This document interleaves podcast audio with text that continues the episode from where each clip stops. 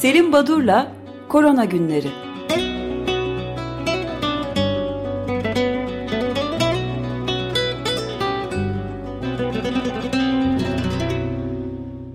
Günaydın Selim Badur, merhabalar. Günaydın, günaydın efendim. Günaydın. Özdeş, Feryal tüm dinleyicilere e, iyi haftalar dileyip günaydın diyerek başlayayım. E, geçtiğimiz hafta program yapamamıştık dinleyici destek haftası nedeniyle. Bu arada programcıların adına böyle haftanın ilk e, sizler dışında e, mikrofonun önüne geçen bir kişi olarak e, tüm destekleyenlere de teşekkür etmek istiyorum. Oldukça başarılı bir süreç, bir hafta yaşandı sağ olsunlar. Şimdi e, bir geçen hafta yapmadığımız için programı 15 günden beri ne oluyor, ne, bitti bir bakalım dedim. E, toplam küresel olgu sayısı 505 milyonu aştı. E, yaklaşık 6.2 milyon yaşamını yitiren kişi var ve e, hesaplama yaptığımızda 15 günden beri ortalama günde 937.759 olgu yaklaşık 1 milyon olgu e, bildiriliyor, listeye ekleniyor yeni COVID olgusu. E, yine John Hopkins e, Üniversitesi'nin e, sitesinden son bir ay içindeki e, olgu sayılarına göre sıralama yapıyorlar. E, ilk sırada Güney Kore geliyor. E, Güney Kore'yi e, sırasıyla Al Almanya, Fransa, Vietnam, İtalya, İngiltere, Avustralya, Japonya, e, Amerika takip ediyor. Türkiye 19. sırada. Ülkemizden de şimdiye dek 15 milyona yakın olgu, 98 e, bini geçen de yaşamı yitiren kişi bildirildi. E, ilginç olan e, bu süreçte, bu geçen 15 gün içinde önemli bir toplantı Fransa'da parlamentoda bir bilim insanları, uzmanlar komisyonu dinlendi. Bu komisyondaki ki e, parlamentoya hitap eden üç kişinin e, ileriye yönelik olarak öngörüleri e, istenmiş, tartışılmış. Buna birer cümleyle değineceğim. Doktor e, Eric Gomez kendisi e, özellikle e, mutasyona uğrayarak bulaşıcılığı artan virüslerin hastalık yapma gücünün azalacağının beklendiğini e, ve omikron e, varyantının bu ilkeyi yerine getirdiğini vurgulayıp mevcut salgının yavaş yavaş söneceğini ama e, ilginç olan bu mevcut salgının 3 ile 5 yıl kadar sürebileceğini sürenin sonunda e, virüsün zararsız hale geleceğini tahmin ettiğini açıklamış. Yani evet e, e, yavaş yavaş e, azalma, sönme sürecine girildi ama bu süreç 3 ile 5 e, yıl sürer diye bir e, öngörüsü var.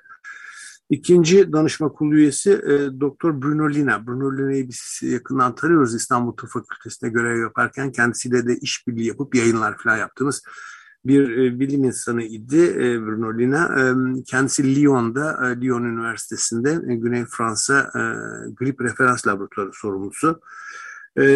Bruno Lina farklı bir noktaya değiniyor. Biliyoruz ki çeşitli hayvan türlerine örneğin e, geyikler örneğin bazı kemiricilere insandan bulaştığı saptanmıştı. Bunun hayvanlardan geri döndüğü, dönme olasılığı bulunduğunu insanlara ve böyle bir yayılım, ters bir yayılım olursa yeni bir evrimsel sürecin başlayacağını ve e, sonuçta 2019'daki de benzer bir salgının söz konusu e, olabileceği konusunda uyarılarda bulundu. İlginç. Üçüncü ilk başlangıç pardon sözünüzü kestim ama bu çok önemli bir uyarı gibi geldi. Evet. Yani hayvanlardan başlangıç gibi e, yeniden aynı güçte aynı evet şey geçecek. Aynı süreci yaşayabiliriz diye. E, son değineceğim e, konuşmacı da Doktor Victoria Golizda. Kendisi e, omikron e, varyantı ile birlikte bir düşüşün görüldüğünü ama yeni varyantların çıktığını, omikronun BA2 denilen bir alt grubu var. Bunu varyantların sürp e, sürprizleri açık olabileceğinden bahsetti. E, bütün bu e, komisyon üyelerinin e, parlamento önünde yaptıkları öngörü e, konuşmaları aslında hani e, çok iyimserliğe kapılmak için e, bir neden olmadığını ve e, bazı e, gelişmeler hazır olmamız gerektiğini, önlemler almamız gerektiğini insanlık olarak söylüyor. Şimdi ilginç olan e, 2020 Mart ayı ortasında günlük 50 bin dolayında olgu vardı. E, bin kadar ölüm e, gerçekleşiyordu ve çok ciddi bir panik yaşanmıştı. İşte kapanmalar, e, önlemler. E, daha sonraki süreçte aşıların devreye girmesi ama günde 50 bin olgu varken büyük panik yaşandı e, tüm ülkelerde. E, buna karşın günümüzde 50 bin olgu değil, günde 1 milyon olgu var. E, bin değil 4 bin ölüm ve e, nedense insanlar e, ve yöneticiler tamamen rahatlamış durumdalar ve önlemler kalkıyor. Bu ilginç bir nokta. Şimdi Fransa'daki bu toplantı ve e, bu son saptamayı da belirttikten sonra Türk Tabipleri Birliği'nin hazırladığı pandeminin ikinci yılı değerlendirme raporuna kısaca değinmek istiyorum. Buraya burada e, Sağlık Bakanlığı'nın pandeminin başından beri verileri e, örtbas ettiğine değinilip özellikle e, Türkiye'nin iyi senaryo üzerinden strateji kurduğunu, peki ya iyi senaryo olmazsa o zaman ne olacağını, endemi kavramının hani biz daha önce programlarımıza değinmiştik Hani böyle tamamen işin bittiği ve e, orada ne de güzel e, bir süreç diye nitelendirilecek bir süreç olmadığını endemiden milyonlarca, e, endemik hastalıklardan milyonlarca insanın yaşamını yitirdiğini e, belirtmiştik. E, bu raporda da endeminin hani bir kurtuluş olmadığı e, ya da bir çözüm olmadığı öyle bir aşamaya geçmenin bunun altı çizilmiş. E, ve henüz aşı olmayan, hastalığı geçirse de ek kronik hastalıkları bulunan, direnci düşük, hastalığı geçirmeyen COVID 19'da duyarlı gruplar bulunduğunu, şu anda günlük e, rakamların Türkiye'de 20 binin altında olmasına rağmen böyle bir rehavete kapılınmaması konusunda uyarılarda bulunuyorlar. Ee, yine bu raporda e, bir bölümü kaleme almış olan e, ve bizim de Açık Radyo'da ağırladığımız e, arkadaşımız Doktor Esin Şenol'un e, e, şu anda yoğun bakımlarda e, hasta sayısının azaldığını, bunu sevindirici ama rahatlamak için yeterli olmadığını bildirmiş. Fazladan ölümlerle ilgili bölümü de Halk Sağlığı Kolu Başkanı Doktor Nasır Nesanır, pandemi çalışma grubu üyeleri Alican Bahadır ve Güçlü Yaman hazırlamışlar. Ve hazırladıkları bu raporda Türkiye nüfusuna yansıtıldığında eldeki verilerin fazladan ölenlerin 274 bin kişi olduğunu açıklıyorlar. Türkiye e, Sağlık Bakanlığı resmi sayısı 97 bin. E, ve ilginç olarak da e, TÜİK'in, Türkiye İstatistik Kurumu'nun her yıl Haziran ayının 3. haftasında bir önceki yıla ait ölüm ve ölüm nedenleri istatistiklerini yayınlarken 23 Haziran'da e, henüz statistik değerlendirmeleri tamamlanmadı. 23 Haziran 2021'de söylüyor bunu e, henüz çalışmalar tamamlanmadı. Daha sonra e, ileri bir tarihte bildirilecektir denmiş. 24 Haziran 2021'de henüz bitmedi dedikleri çalışma henüz bitmiş değil.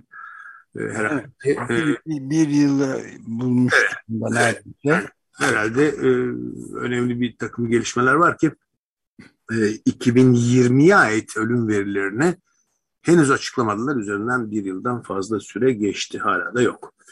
Peki gündelik toplantılarında gazeteciler e, sormuyor mu e, Sağlık Bakanı'na bu konuda çalışmalar bitiyor mu acaba ne zaman bitiyor niye açıklanmıyor diye? Herhalde sorma eğiliminde olanlar akredite olmuyorlar falan bilemiyorum. Şimdi e, ilginç bir haber e, Türkiye'de bu Covid'den ayrı bir iki tane sağlık haberine değineceğim Türkiye ve yurt dışından sonra hemen e, devam edeceğim Covid'le. E, birincisi e, sığırlara yapılan veterinerlik alanında kullanılan bir aşı var. Sığırların nodüler egzantemi işte deri döküntüleriyle seyreden lumpy skin disease diye geçen bir hastalık.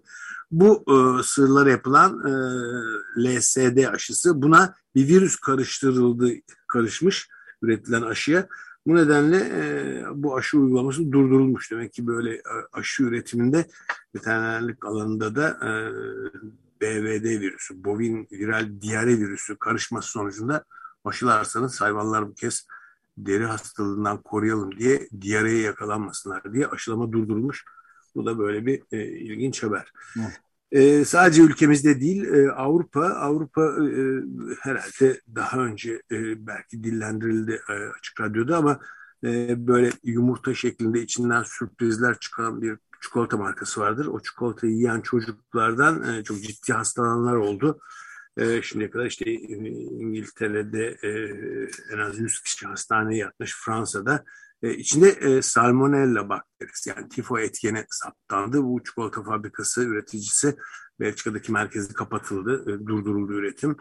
E, Fransa'da da peynirlerden listeria bakterisi, İsviçre ve Fransa'da bu da sorun yarattı. Yani böyle gıda sektöründe bir takım hani çalkalanmalar demeyeyim ama olumsuzluk haberleri geliyor.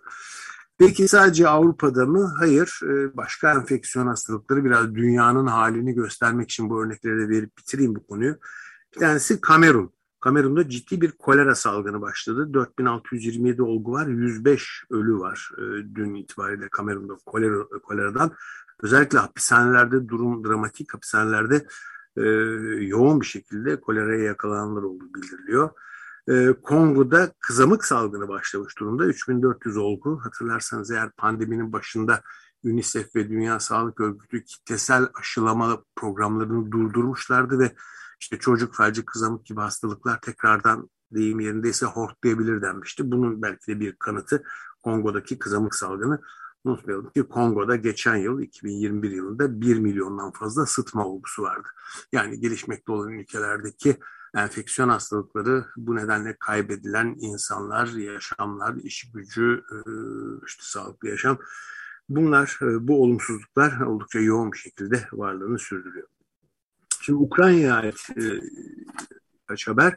Ukrayna'da e, bu London School of Hygiene Tropical Medicine e, kuruluşu ciddi bir kuruluş. Enfeksiyon hastalıkları konusunda önemli çalışmalara, raporlara imza atan bir kuruluş. Ukrayna'daki e, vektör aracılı hastalıklara dikkat çekti. Yani kene ve sivrisinek ısırması ile ortaya çıkabilecek. Özellikle ilkbahar yaz aylarına giriyoruz. İlkbaharın ortasındayız. Havalar biraz daha ısınınca e, bu e, yoldan bulaşan hastalıklara dikkat çekmiş e, bu e, kene ve e, sivrisinek ısırmasına bağlı olarak özellikle bu göçmen göçen yani diğer ülkelere geçmekte olan kişiler arasında hani biz koronavirüs, Covid-19 ya da diğer bulaşıcı hastalıklar diyorduk. E, raporda bu e, kene ve sivrisinek ısırmasıyla geçen e, biz neleri biliyoruz? Örneğin e, e, Kırım, Kongo kanamalı ateşini biliyoruz. E, bunun dışında işte kene e, ısırmasına bağlı ensefalit gibi e, çeşitli hastalıklar bunların ortaya çıkabileceğini e, bu konuda çok dikkatli olunmasını e, söylüyorlar. Bu önemli bir nokta. E, bu arada e, JAMA dergisinde e, Lawrence Gostin isimli bir araştırıcının raporu yayınlandı.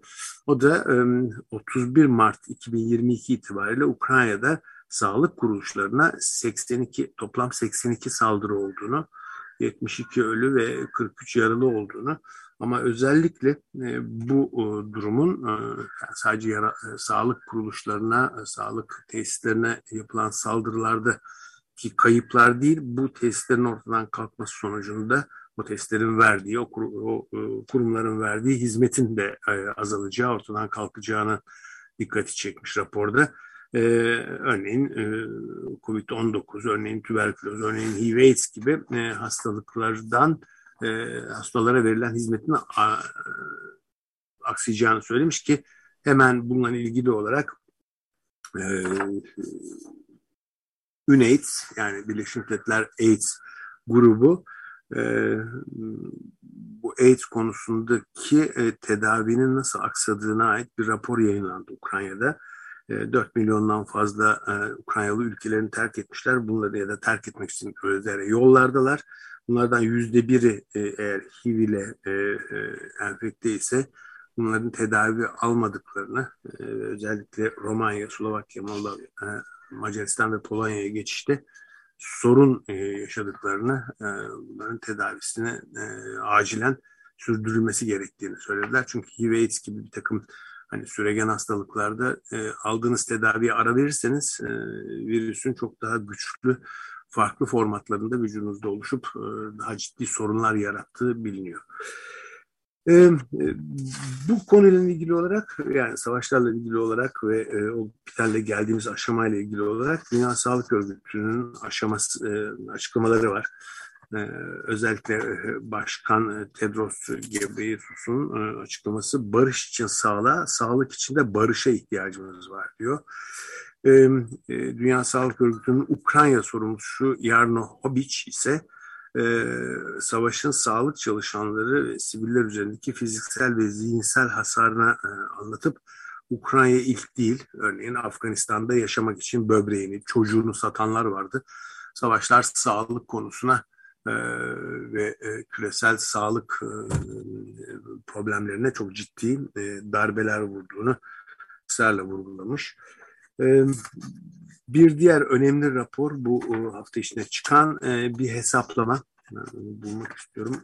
E, e, bu hesaplama ee, özellikle e, Dünya Sağlık Örgütü'nün de e, belirttiği bu e, bir konu var.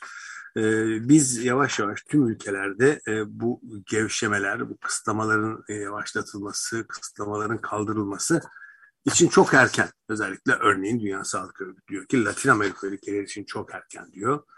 E, ama bir yandan da hem ülkemizde hem Avrupa ülkelerinde e, yoğun bir şekilde bu önlemler azaltılıyor azaltılıyor da hani e, acaba e, iyi mi yapılıyor?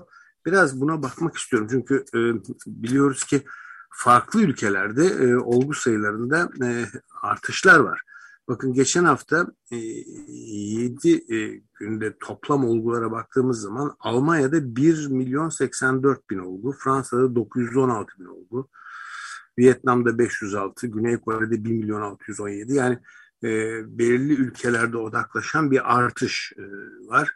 Şimdi Fransa'daki durumu inceledikleri için e, buradaki bilgiyi aktarayım. Bir Avrupa ülkesi olarak örnek olabilecektir bu kıtaya. Yoğun virüs dolaşımı var. Aşının sağladığı bağışıklık, immünite yavaş yavaş zamanla azalıyor, düşüyor. Önlemlerin kaldırılması için bir sınır vardı. 100 binde 50'ye düştüğü zaman olgu sayısı kaldırılacak önlemler, kaldırılabilir diye bir kural vardır. Biliyor musunuz Fransa'da şu anda 100 binde 50 değil 100 binde 1400 olgu var ama ısrarla e, önlemleri kaldırıyorlar. Hani bu iyi mi kötü mü e, bunu e, zaman gösterecek. Acaba biz e, biraz karamsar biraz e, böyle gereksiz bir karamsarlık içinde miyiz? Bu konuda hani, biraz daha dikkatli ve üzerinde düşünülmesi gereken bir nokta. Evet, yani ben de şeyi de ilave edeyim izninizle yani bunu zaman gösterecek tabii ama bu sıralarda e, Covid'e yakalanıp hayatlarını kaybedenlerin bunu zamanı görecek vakitleri olmayacak, kalmamış oluyor artık. Ee, evet yani mesela Amerika Birleşik Devletleri'nde kaldırıldı biliyorsunuz hemen hemen bütün önlemler ee, ama e, yeniden olgular artmaya başladı. Ee, yeniden aynı yaşadıklarımızı 2020-2021 yılında yaşayacak mıyız sorusu sorulmaya başlandı. Geçen hafta tüm ülke için %3'lük bir artış var. Doktor Fauci bu virüs elimine olmayacak dedi. Philadelphia'da yerel yöneticiler iç mekanlarda kaldırılmış olan zorunlu maske kullanımını tekrardan geri getirdiler değil mi? Evet. Ee, Kolombiya Üniversitesi'nde e, üniversitenin aldığı bir kararla öğrencilerin sınıflarda maske takması tekrar zorunlu hale geldi. E, CDC kuruluşu ise e, özellikle uçaklarda, uçuşlarda maske kullanımını tekrar zorunlu olmasını önerdi. Bütün bu olaylar, bütün bu gelişmeler aslında biraz ucunu bıraktığınız zaman olgu sayılarının tekrardan arttırmaya eğiliminde olduğunu gösteriyor.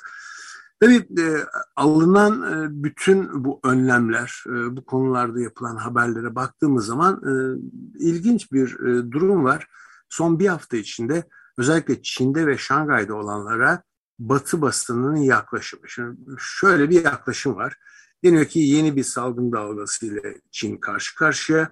Bu ülkede Mart ayı sonundan itibaren çok katı kurallar uygulanmaya başladı. İnanılmaz despot bir yönetim, abartılı ve çok katı bir e, kapanma e, uygulaması. E, insanlar e, isyan ediyorlar, işte geceleri balkonlarına çıkıp e, haykırıyorlar. E, e, güvenlik güçleriyle itişmeler e, oluyor. Bütün bunların videolarını yayınlanıyor ve Şangay gibi 25-26 milyonluk bir e, şehirde e, toplumun bu sıfır Covid politikasını artık benimsemediği söyleniyor. Bütün bunlar e, bize batı basınını okuduğumuz zaman e, öğrendiğimiz e, sözler. Örneğin bir ailede eğer bir çocukta COVID saptanırsa çocuk ailesinden alınıp e, bir e, hastanede diğer COVID'li çocuklarla beraber izole ediliyor. Bu dramlara yol açıyor deniyordu. Şimdi bu konuları Çin konusundaki bu tek taraflı yani sadece Batı haber kaynaklarından aldığımız ve oldukça kötü bir tabloya işaret eden bu durumu e, konunun hani bilen birisi olarak e, kime danışayım diye düşünüyorum. Bülent, Doktor Bülent Beycan var. Kendisi e, e, sağ olsun korona günleri başladığı günden itibaren haftada bir ya da iki kez bir rapor şeklinde ilaç dünyasından haberleri bir rapor şeklinde bana iletmekte. Ben de yararlanmaktayım. E, dönem dönemde kendisine teşekkür etmiştim. E, neden bunu söyledim? Bülent Bey e, iki yıl kadar e, o bölgede e, Tayvan ve Çin'de görev yapmış ilaç sek sektöründe. Ona sordum. Örneğin bu çocukların ailelerinden kopartılması o ilginç bir e, konudur o diyor aileler e, çocukları pozitif çıktığı zaman hemen çocuğu yataklarına alıyorlarmış. Ona sarılıp e, her zamankinden fazla öpüp kokluyorlar. Kendileri de enfekte olup Covid'len böylece çocuğun aileden koparılıp hastaneye götürülmesine, izole edilmesine gerek kalmıyor. O zaman bütün aile Covid'li olarak evlerinde kalıyorlar diyor. Böyle uygulamalar var. Yani Çin'deki bu... E, Kedinin ta kendisi yani. Evet. E, evet yani e, Çin'deki toplumu isyan ediyor. Doğrusunu isterseniz bu sert önlemler. Çünkü insanlar hani sokağa çıkma yasağı olduğu zaman Türkiye'de de Avrupa'da acil ihtiyaçları için örneğin markete gidebiliyorlar. Örneğin eczaneye gidebiliyorlardı. E, Şangay'da böyle bir şey yok. Sizin eğer bir ilacı ya da e, gıdaya ihtiyacınız varsa telefon ediyorsunuz. İşte e, görevliler size getiriyorlar. Bu hizmeti veriyorlar. Böyle e, astronot gibi giymiş kişiler. Şimdi bu tip uygulamalar batıda e, toplumlara e, empoze edilmesi, uygulanması pek kolay olmayan, hani akıl dışı, inanılacak gibi değil, böyle bir şey yapılamaz deniyor ama Çin toplumunun kültürüne çok fazla ters gelmediğini belirtiyor. E, orayı iyi bilenler. Ama ben bu konuda hani yorum yapmayayım ya da bir taraf olacak bir şey söylemeyeyim. Benim bildiğim bir şey var. E, doğrusunu isterseniz hani ben sayılara bakmak istiyorum resmi rakamlara. Şimdi sayılara baktığımız zaman ne görüyoruz? E, toplam olgu sayısı. E, Amerika Birleşik Devletleri'nde toplam olgu sayısı 80 milyon, e, 80,5 milyon. Fransa'da 28 milyon, Almanya'da 23 milyon, İngiltere'de 21 milyon. Çin'de ne kadar? 1 milyon, 1,5 e, milyon. Şimdi burada bir, bir, bir şey var yani Çin'in şimdiye kadar yaptıklarının e, etkili olduğunu gösteren bir sayısal değer var. Ya da 1 milyonda yeni olgu sayısına bakalım. Almanya'da 1 milyonda 2290, Fransa'da 2057, İngiltere'de 957, Çin'de 7.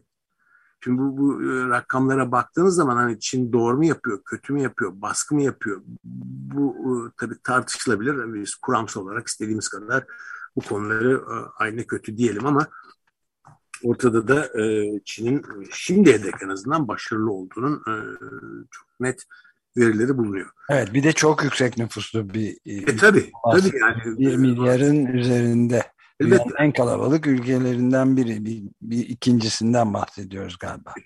Kapanan Şangay'a bak bakıyorsunuz 25-26 milyon yani Avrupa'daki bazı ülkelerden daha büyük, daha kalabalık.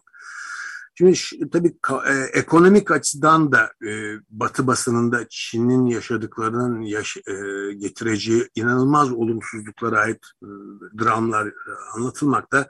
İşte fabrikalar kapanıyor Şangay'da özellikle Şangay'daki fabrikalar diğer illerdeki e, üretim tesislerine bir takım e, malzeme ya da sarf malzemeleri sağlayan fabrikalarmış. Bu nedenle örneğin başka kentlerdeki otomobil üretimi aksıyor. Çünkü Şangay'dan yedek parça gelmiyor gibi çok zor duruma e, düşecekler. Örneğin kargo şirketleri batıda çok başarılı oldu. Çin'de olmayacak çünkü sadece ilaç götürüyorlar demişler. Ama yetkililerin açıklamasına göre ve bu Dünya Ekonomik Forumu'nun açıklamasına göre bütün bu olumsuzluklar var, korkunç Çin e, ölüyor, bitiyor dedikleri süreçte Çin'in ilk 3 aylık kalkınması, büyümesi %4.8 olmuş. Yani batılı bir e, objektif e, bir kurumun açıklaması. Yani o batı standartlarına göre söylenen batma, ölme, mahvolma pek geçerli değil e, mat başı işletmelerin vergilerinden 360 milyar euro e, muaf tutma var, azalma var. Şangay'da 29 Mart'ta da 20 milyar euro gibi bir e, yardım e, üreticilere e, iletilmiş. E, tabii bütün bu e, söylenenler e, elbette dediğiniz gibi çok büyük bir kent Şangay kenti. E, bir aydır kapanma oluyor. Üç haftadır tam kapanma, çok sıkı sokağa çıkmama var. E, hastaların izolasyonu için 160 bin yatak ayrılmıştı ama şu anda günde neredeyse 20 bin olgu var. Bu nedenle örneğin bazı apartmanlar boşaltılıyor. Apartmanlar sahipleri, sakinleri de ya bu ne biçim iş niye biz falan diyorlar. Elbette iş kolay değil. Çok kalabalık bir ülke ama e, dediğim gibi en azından benim e, kişisel düşüncem hani batı standartlarıyla Çin gibi bir ülkeyi değerlendirmeye kalkarsanız pek gerçekçi olmuyor söylenenler. Sadece bir ülkeyi e, karalamaya yönelik oluyor gibi. Birdenbire böyle çok Çin yanlısı konuştum. Yani çok sevdiğimden falan değil. Hani ortada da bir rakam var yani. İşte birisinde bir milyonda e, 2000'lerde olgu sayısı, Çin'de ise milyonda altı. Bu da yatsınmayacak bir gerçek. Bitirirken e, önemli bir nokta e, e, yeni bir test çıktı e, COVID-19 tanısı için FDA onayı aldı. Önemli bir şey. İnsanlara böyle hani alkol kontrolü yaparlar. E, bir borudan üfle derler. Üflersiniz işte oradan e, alkol miktarı çıkar. Onun gibi bir test üflediğiniz zaman e, COVID-19'da oluşan farklı kan gazları üzerinden size tanı getiriyor yani herhangi bir kan almaya, herhangi bir burun boğaz sürüntüsü yapmaya gerek yok. E, bunsuz da bir tanı aracı devreye girdi. Bu da önemli bir e, düşünüyorum. E, son bir cümleyi de e, müsaade ederseniz e, aşı üretimiyle ilgili söylemek istiyorum. Güney Afrika'da e, Güney Afrika Cumhuriyeti'nde bir aşı üretim merkezi vardı. Johnson Johnson e, ve AstraZeneca firmalarının bu vektör aşılarını üretip e, bunu Afrika'da üreteceklerdi. Fakat üretim merkezi kapanıyormuş çünkü e, bu üretim merkezine e, de aşı almak için, oradan satın almak için herhangi bir başvuru aylardan beri olmamış. Bu nedenle e, aşı üretim merkezine e, biz ne yapalım kapatıyoruz burayı e, demek zorunda kalmış e, Güney Afrikalı aşı e, üretim merkezi e, yetkilileri. Böyle bir garip, bir tuhaf bir durum e, söz konusu. Ben burada durayım efendim. Evet. Yaptılar. E, Hoşçakalın. Çok, çok teşekkür ederiz. Görüşmek üzere. Görüşmek üzere. Teşekkürler.